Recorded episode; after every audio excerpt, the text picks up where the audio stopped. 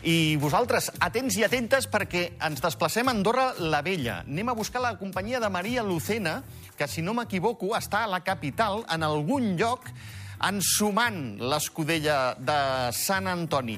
Maria, on et trobes?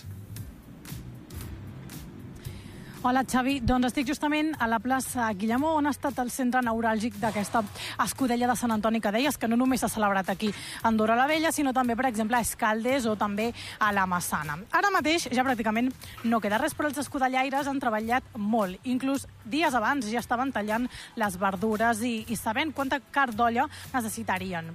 Aquest matí a les 5 ja estaven aquí també treballant perquè tot estigués preparat a l'hora del migdia.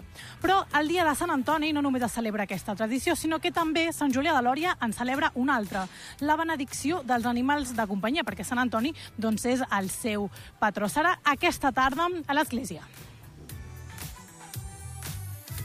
Avui, tot seguint la tradició, a la missa vespertina, a dos quarts de vuit del vespre, acaba de l'Eucarístia, tindrem la benedicció dels animals de companyia. Tothom, és el dia en què venen aquí a l'església, participen de la missa, participen de l'Eucaristia, porten les seves mascotes, els gots, els gats, els gossos, no sé si porten alguna serp, porten algun cavall, però bueno, el que portin, doncs com cada any, seguint la tradició, farem la benedicció. És una, és una festa molt, molt estimada, sobretot per les persones que, i coneixem tots, persones que realment els tenen molt de carinyo als animals de companyia, per això, perquè els hi fan companyia, persones que estan soles, i, i és un dia que, que, que l'esperen. Eh? Per això sempre és un dia que ve molta gent a l'església per venir,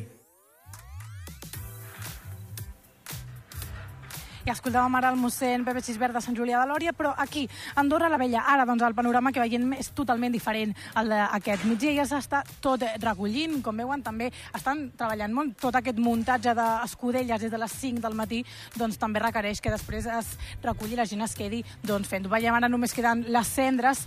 S'ha de dir doncs, que la pluja ha sigut la companyia d'avui. Tot i això, s'han fet cues durant tot el matí per retestar la tradicional escudella. I, Xavi, jo no n'he pogut tastar-la, tu tampoc, i doncs eh, t'he de dir que tindràs l'oportunitat, per exemple, el dissabte de tastar-la a Sant Julià de Lòria. Perfecte. Doncs em quedo amb això. Moltíssimes gràcies, eh, Maria. Estarem també pendents d'aquesta escudella de Sant Sebastià, a Sant Julià de Lòria. Per cert, us heu fixat amb les fogaines, no? Fan goig, eh? Unes senyores eh, fogaines. Des de les 5 del matí en marxa, ens explicava la Maria. Espectacular. Uh, anem a publicitat i tornem d'aquí un tres i no res amb Alfons Casal, director artístic d'Helena. Ens ha de portar a Barcelona per parlar-nos d'Andorra. Fins ara.